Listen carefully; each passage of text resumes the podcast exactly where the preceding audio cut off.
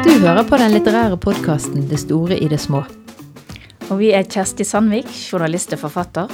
Og Grete Fatima Sayed, litteraturviter, forfatter og oversetter.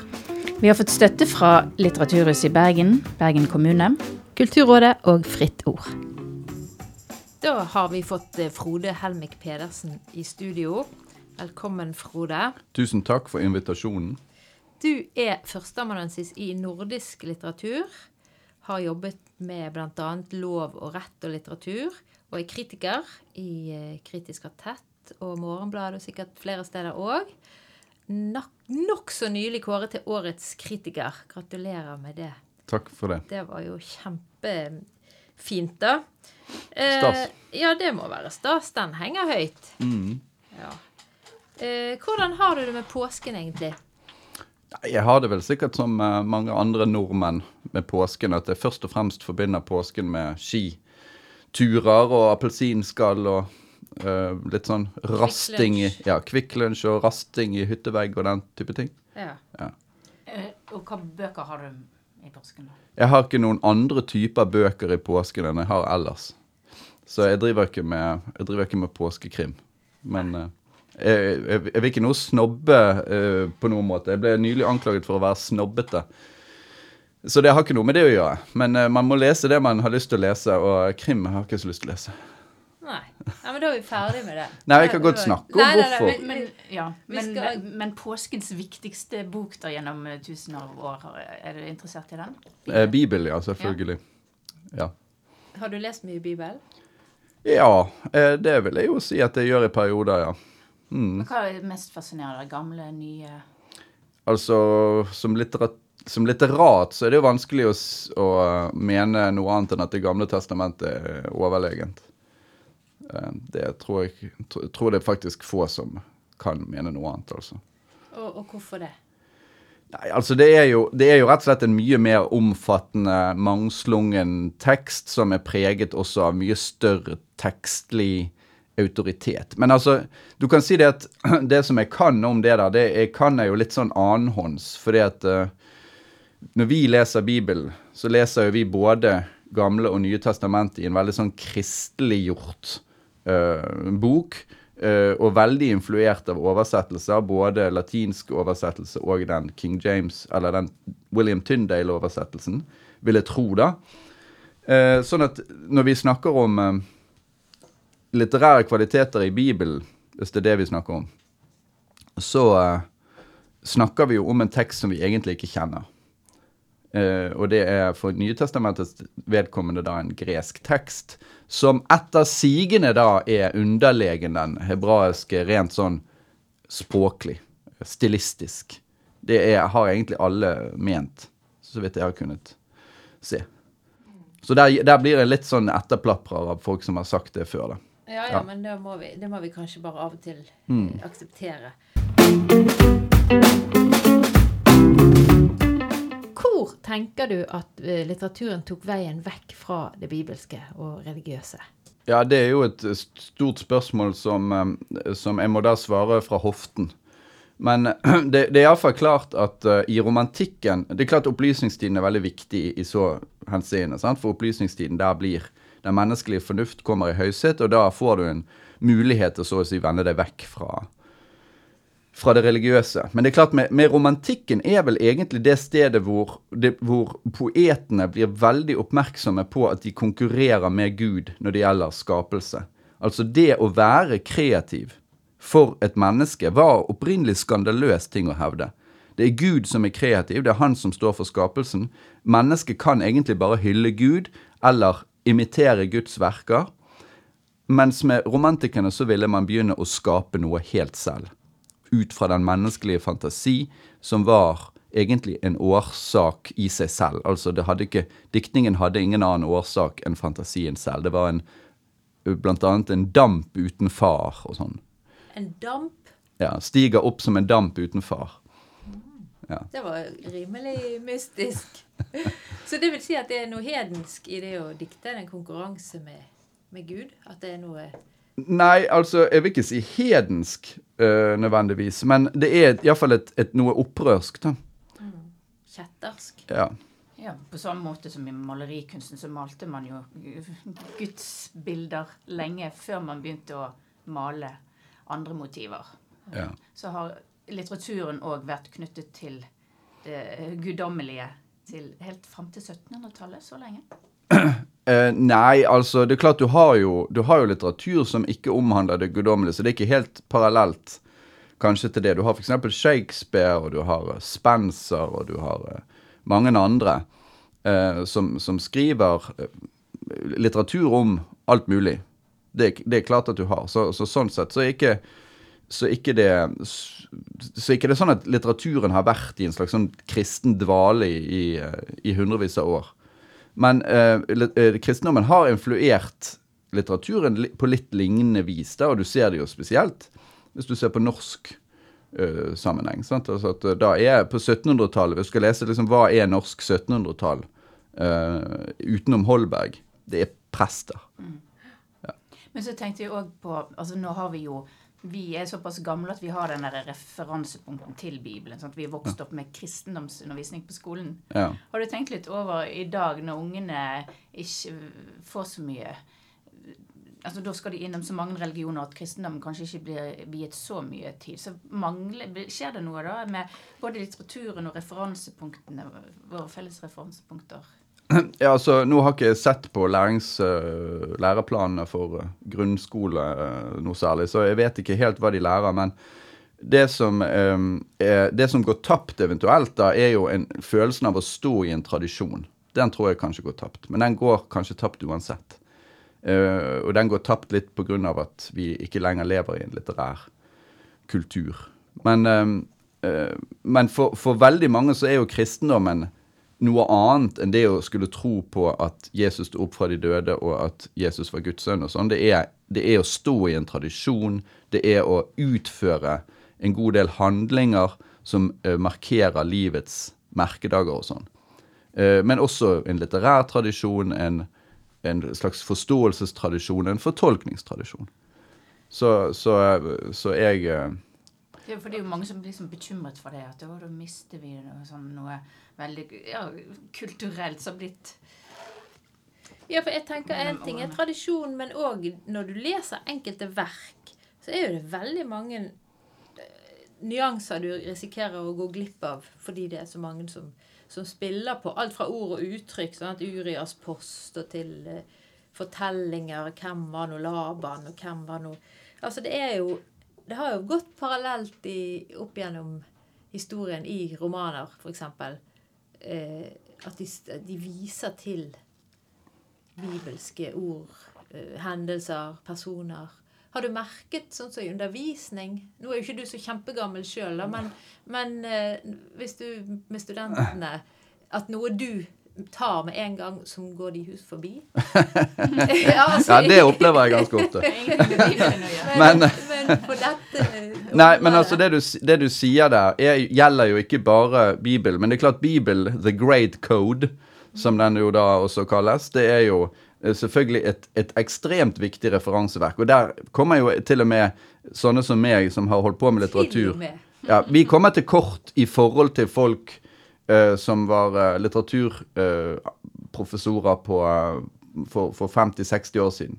Det er klart de kunne Bibelen mye bedre enn det vi kan. Eh, og hadde den mye mer så, å si present. Men det, du, det, det, det, fenomenet du henviser til, er jo mangel på uh, skal vi si, litterær dannelse generelt. Da. For det er jo ikke bare Bibel, det er jo også an, mange andre typer referanseverker som ligger i språket vårt. Måten vi snakker på, og måten vi forstår ting på. Og hvor forankringen i tradisjonen uh, går mer og mer tapt. Det tror jeg faktisk jeg kan si. Uh, og for meg er det klart at det er negativt. Men jeg, jeg, vil ikke, jeg, vil ikke, da egentlig si at det med kristendommen er noe spesielt i så måte. Det er en del av en større trend. Uh, så, så, når, når studentene i dag, og det gjelder både studenter på litteratur og studenter på Skrivekunstakademiet, eh, hvor jeg også underviser litt, grann, uh, har nok lest mindre enn de hadde for ti år siden, og enda mindre enn de hadde for 20 år siden. Før de kommer til ikke bare Bibelen, men, men jevnt All, Alt. alt. Syns ja. du det er trist og er det noe å gjøre med det, eller? Eh, ja, så Hvis man skulle gjøre noe med det, så tror jeg at man måtte gå inn eh, i skolen. Altså det, det, Skolen er den eneste instansen som kunne gjort noe med det. For det, eh, skjermene har vunnet over litteraturen, men litteraturen holder stand på et vis, og vil nok gjøre det, fordi at den har noe annet. Den tilbyr noe annet som er evig, et evig behov. Uh, og eh, så, så uh, Men selve det der å få å skolere de unge i, i litterær tradisjon, det er det bare skolen som kan, kan gjøre, med mindre det er du gjør det med dine egne barn, da, f.eks. Har du noen eksempel på verk som ikke gir mening uten at leseren kjenner enten Bibelen eller kristendommen? Ja, det, det er jo mange, men uh, altså, du kan jo f.eks. nevne Divina Comedia, altså Den guddommelige komedie av Dante, f.eks. Gir jo ingen mening utenfor en, eh, utenfor en kristelig sammenheng. Men altså, det, der er listen ganske lang, altså. Uh, men Du kan få ta noen du sjøl liker godt, da, eller har, har Så ligger deg nær, eller du har jobbet med. Eller hvis du skulle anbefale en, eh, en av de. Som et, et, et verk som er basert på kristendommen Ja, vel knyttet, altså der du er nødvendig å kjenne til um, Bibelen. Ja, altså jeg kommer Altså Josef og hans brødre, Thomas Mann f.eks. Uh, Den er faktisk min favoritt òg. Så. Den husker jeg leste en sommer, og det var bare helt sånn eh, fantastisk deilig, kjedelig og eh, Ja, men si litt om den. nei, altså nå, nå viste uh, min uh, medarbeider her uh, Guds barn av Lars Petter Sveen. Den, den er ikke god, syns jeg. Og det som er problemet med den, det er at det, er, det er en veldig god idé. Sånn at den første scenen i den boken, som handler om det at Herodes har bedt, eller har utstedt en ordre om at alle guttebarn i den og den alderen skal tas livet av i, det, i dette området, da. Eh, det, det har vi lest så mange ganger at vi har glemt. Sant? Og Det er et problem ofte med Bibelen. Vi leser det så mange ganger at vi ser ikke egentlig hva som står der lenger. Det får han frem, hvor sinnssykt det der er. Du ser for deg hva som skjer der. Så det er, det er glimrende, den scenen der. Men ellers så fortaper den boken seg, eh, etter mitt syn, i en form for å som, eh, som som, rett og slett blir veldig uklar. Altså han, det, jeg syns han blir dårlig, en dårlig forteller, først og fremst. Jeg skjønner ikke hvor han vil hen.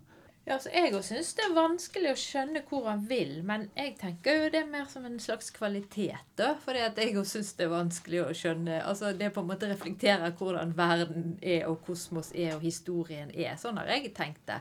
At der er folk som vandrer omkring, og noen slår hverandre i hjel, og noen elsker, og noen dør, og noen hater, og, sånn. Men, men igjen er det språket der som jeg syns er så veldig bra. Så det er det er så sånn saftig og jordisk eh, på en måte språk. Det er så konkret, og der er mye sånn Ja, OK. Hvis du, hvis du vil ha et, hvis du vil ha et uh, eksempel på en bok som skriver på en eller annen slags måte et bibelsk språk i, innenfor et moderne i moderne litteratur, så er jo det den, som heter, den romanen som heter 'Blodmeridianen' på norsk. 'Blood Meridian' av Cormac McCarthy. Det er den mest bibelske prosaen du kan komme ut for i nyere litteratur, og den er helt enorm. Helt enorm. Så, øh, men til det du sier om uklar Altså, øh, øh, ja, det uklare er interessant litterært. Det er jo et øh, spørsmål som jeg alltid har vært mistenksom mot. Fordi det uklare i seg selv er ikke noe ikke verdifullt. Det som er verdifullt, er mening. Og mening er en erfaring på veldig mange måter.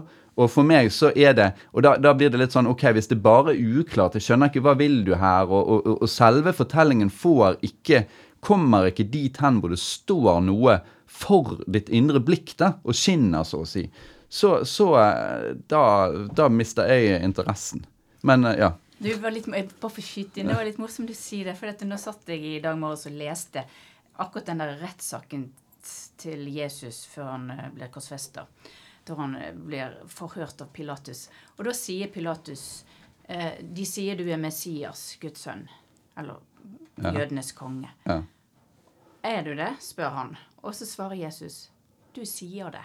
det sier han i For av og til evangeliene kanskje litt forskjellige historier, men Mm. alle de fire evangeliene, så svarer han det. Du sier det. Og da kjente jeg ble litt sånn ah, Kan ikke du bare svare ja eller nei? Litt sånn um, Er det et sånn eksempel på at eh, Ja, det er det, det uklare som kanskje har gjort det litt pirrende òg, da, og litt sånn um, Som har gjort at en Ikke akkurat den setningen, da, men altså, det er jo Nei, det, det- er ikke rett fram her. sant? Nei, du må jo ta stilling til det sjøl. Og det er jo klart at det uklare er ikke en kvalitet i og for seg, for ellers hadde jo det meste av bøker som kom ut, vært kjempegode og verdt å huske i 100 år. Så det, der må vi være enige. Men, men at det kan være andre kvaliteter som på en måte um, kompenserer, eller at det er viktig og, og riktig å se en bok etter den meningen, og liksom hvor vil han hen, mens en annen bok kan ha andre styrker, da. Det syns jeg i hvert fall. Men eh, Ja, altså det uklare, det uklare kan være en kvalitet eh, hvis eh, Altså det, det, det er jo det uklare er knyttet sånn eh, estetisk sett til eh, den kategorien som, som heter det sublime. Fordi at når, når man går igjennom det sublime, i utgangspunktet iallfall, så er det nettopp sånne ting som eh, som på en eller annen slags måte uh, nettopp ikke er klart. Altså det, det klare er det skjønne, sant? mens det uklare ofte blir det sublime. Der står du overfor noe voldsomt som du ikke får oversikt over, og, og det kan være sterk lyd, sterkt lys, og det kan også være en skumring. Men, uh, men det viktige der i den skumringen, og der bruker vel, det er vel Burke som bruker Miltons helvete som eksempel. Milton, Milton Paradise Lost er jo en annen bok som du må kunne Bibelen for, for å forstå. Og, og nede i helvete der så er det, så er det masse demoner og masse, altså falne engler. da. Eh, og, og, og det som da trer frem mot det fra det mørket, det blir på mange måter sublimt. Det er omgitt av uklarhet, skumring og mørke, men det står noe frem. Det der som du snakker om, uten at jeg eh, kan Bibelen noe, noe, noe særlig godt Altså det der, det, du sa det og sånn, den type måte å snakke på, er jo, ligner jo Det kan godt hende at han eh, eh, bevisst Altså Jesus bevisst henviste til Jave, som, som eh, brukte sånne Altså han sier 'jeg er den jeg er', og sånn, istedenfor å si hva han er. Så det kan godt hende at det skriver seg inn i en tradisjon. Det er det får du spørre prestene om. Men, men at, at det er noe dunkelt ved Jesus, det er det ingen tvil om. Altså at Jesus som figur, og særlig Markus, som jeg ny, faktisk nylig leste i, der er, der er det jo mye som er dunkelt med Jesus. Han snakker i parabler hele tiden. Disipler forstår ikke hva han mener. Uh, og han er hele tiden, og han virker usikker på om han forstår seg selv og hvem han er, osv. Så, videre, sånn. så der er det et mørke rundt, rundt Jesus. Og der vil jeg nok tro at, at uh, de som da etter hvert har laget den kanoniske bibel, har pusset, pusset en god del på det for å få det til å fremstå mer tydeligere eh, med hensyn til trossetninger og hva man skal mene og sånn. Så jeg vil tippe at hvis du les, hadde lest, hatt bare den greske teksten til eh, særlig Markus, så tror jeg at den ville fremstått som eh, temmelig dunkel. Ja, én ting er jo det logiske og det med lignelsene. og, og han, Er det i Markus han sier det rett utover det, at det, du skal se og se, men ikke skjønne, og du skal høre og høre, men ikke Ja. forstå. Det er jo liksom Ja. helt umulig. Du blir jo helt tommelumsk av en dag skal du forstå. Ja. Ja, det, det Ja, men det som er veldig pussig der, er jo òg at så vidt Og nå er det, det er litt ubehagelig for meg som eh, akademiker å snakke såpass fra hoften uten å liksom ha sett teksten en gang. Men så vidt jeg husker, så er det sånn at det der som du der sier, kommer i forbindelse med den der såkorn-lignelsen, hvor, hvor noen faller ved siden av veien, noen blant tornene og sånn. Det er jo en parabel som et barn kan forstå. Altså Det at disiplene ikke forstår det, det, det skjønner jeg ikke. Der virker de rett og slett litt treige. Der, der, der, der, med er det veldig tydelig hva han mener. Akkurat der. Så der, jeg tror, tror ikke det er noen grunn til å liksom si du skal eller kanskje en dag forstå. Nei, det er ikke, den er ikke så Ja, det gjør det jo bare enda mer gåtefullt. da. Ja. da forklarer det som ikke trenger å forklares, men det som er gåtefullt. Og, og, og tenker altså det der når han jager de her grisene ut for et stup Nei, grisene jager han ut for et stup, oh, ja. fordi han lar de onde åndene gå inn i det. Og, det, er jo- Ja. Og, og i påskehistorien, dette med, med han ene som får ørekappet av, og Jesus bare smykker det på igjen, det, det er ikke det som oftest blir repetert i søndagspreken, vil jeg tro, uten at jeg går der så mye. For dette er, det er jo rett og slett umulig å forklare og forstå mye av det. Ja, der tror, men der tror jeg absolutt at det er en fordel å prøve å lese Bibelen med friske øyne. Altså Glem søndagsskolen, glem det du hørte i kirken, og, og glem alle disse prekene. Prøv å lese det. Se, hva, hva er det egentlig som står? Prøv å tenke. Og, og det, som, det som jeg har Nå har jo jeg selvfølgelig lest mye om dette. sant? Eh, Jeg har jo forelest over bibeltekster og sånn òg. Så, så, så mye av det som jeg sier, har jeg jo fra andre. Det er jo ikke jeg som har funnet på dette. Men det som er morsomt med, med Jesus i Markus, det er jo at, at han blir gjenkjent hele tiden av disse demonene og de som er gale. De vet hvem han er. Og det er han veldig De, de, de vil han helst på en måte ikke høre, da. Men de ser det med en gang. Du er den hellige. Uh, uh, uh, so, så, mens disiplene skjønner ingenting. Mens de som gjenkjenner han, er altså det demoniske. Så det, er- det er et eller annet eh, mørkt der, da. Ja, ja, men det er jo òg en sånn litterær standardfigur med den altså, koblingen mellom galskap og de høyeste innsiktene. Sant? Altså de gale vismennene og profetene som taler i tunger. Som, som er jo òg de som altså, Hva er det vi har det uttrykket av barn og fulle folk, du skal høre sannheten. Det er jo litt, litt det samme. Ja, og der sa man jo i, i gammel tid at du kan ikke være poet sine furore. Altså du kan ikke være poet uten å ha tilgang til den sfæren der, da.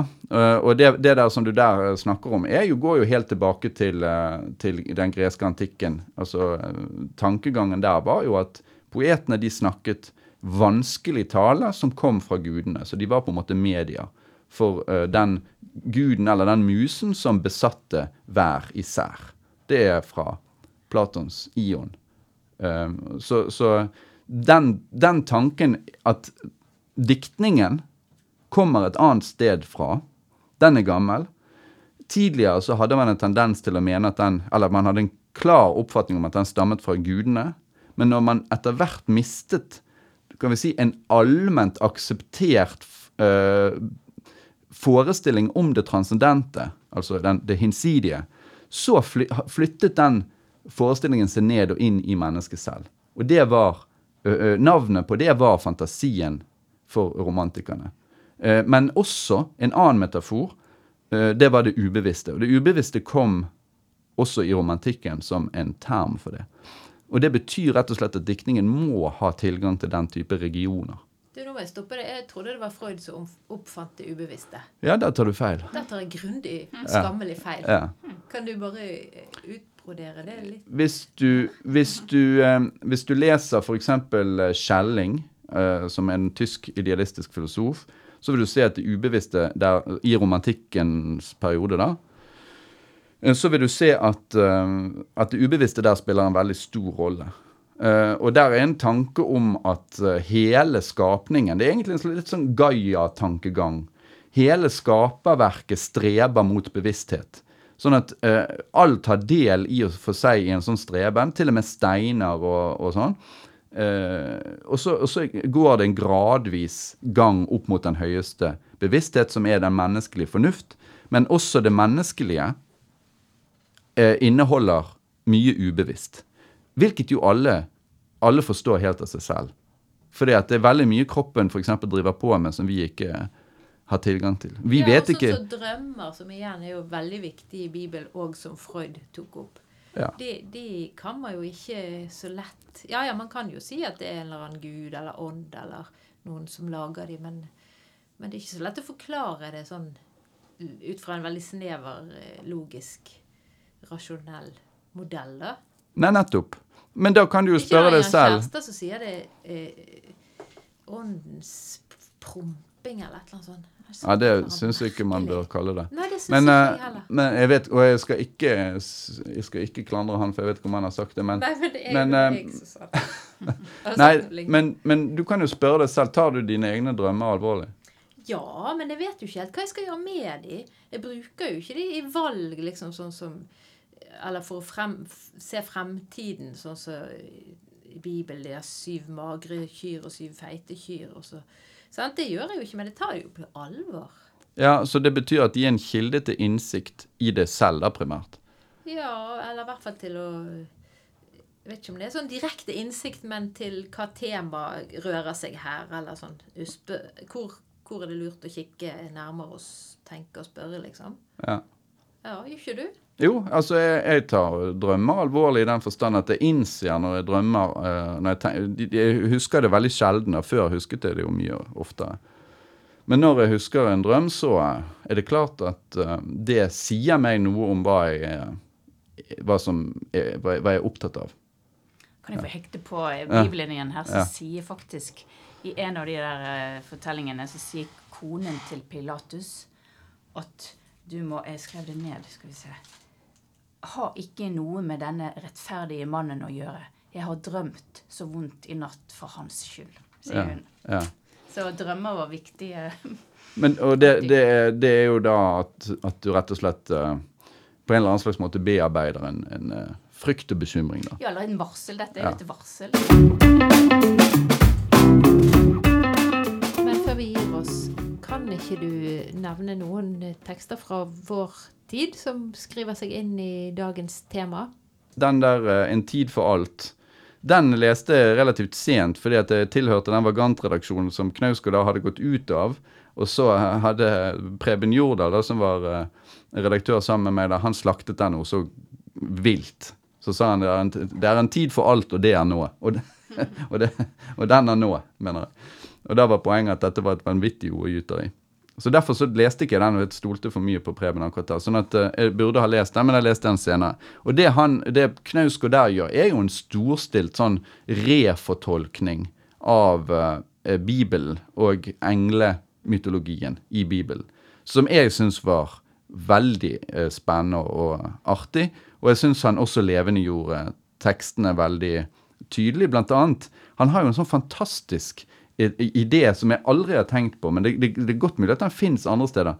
Men det som han gjør, det er at han tar jo eh, den tiden fra eh, skapelsen, Adam og Eva, og frem til syndefallet, den har et tidsspenn som, kan, som er kanskje 1500 år eller et eller annet sånt, kanskje litt mer.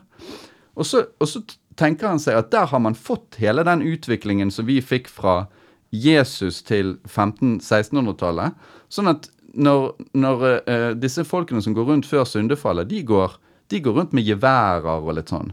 De, de lever i en slags sånn, en, litt sånn 1800-talls, 1700-tallsstemning. Før da dette syndefallet kommer, og så, altså flommen, da. Og så, og så begynner, du, begynner du helt på scratch igjen. Jeg syns det var morsomt. Og så syns jeg det var morsomt med disse englene som kom ned på jorden. Det syns ikke Preben.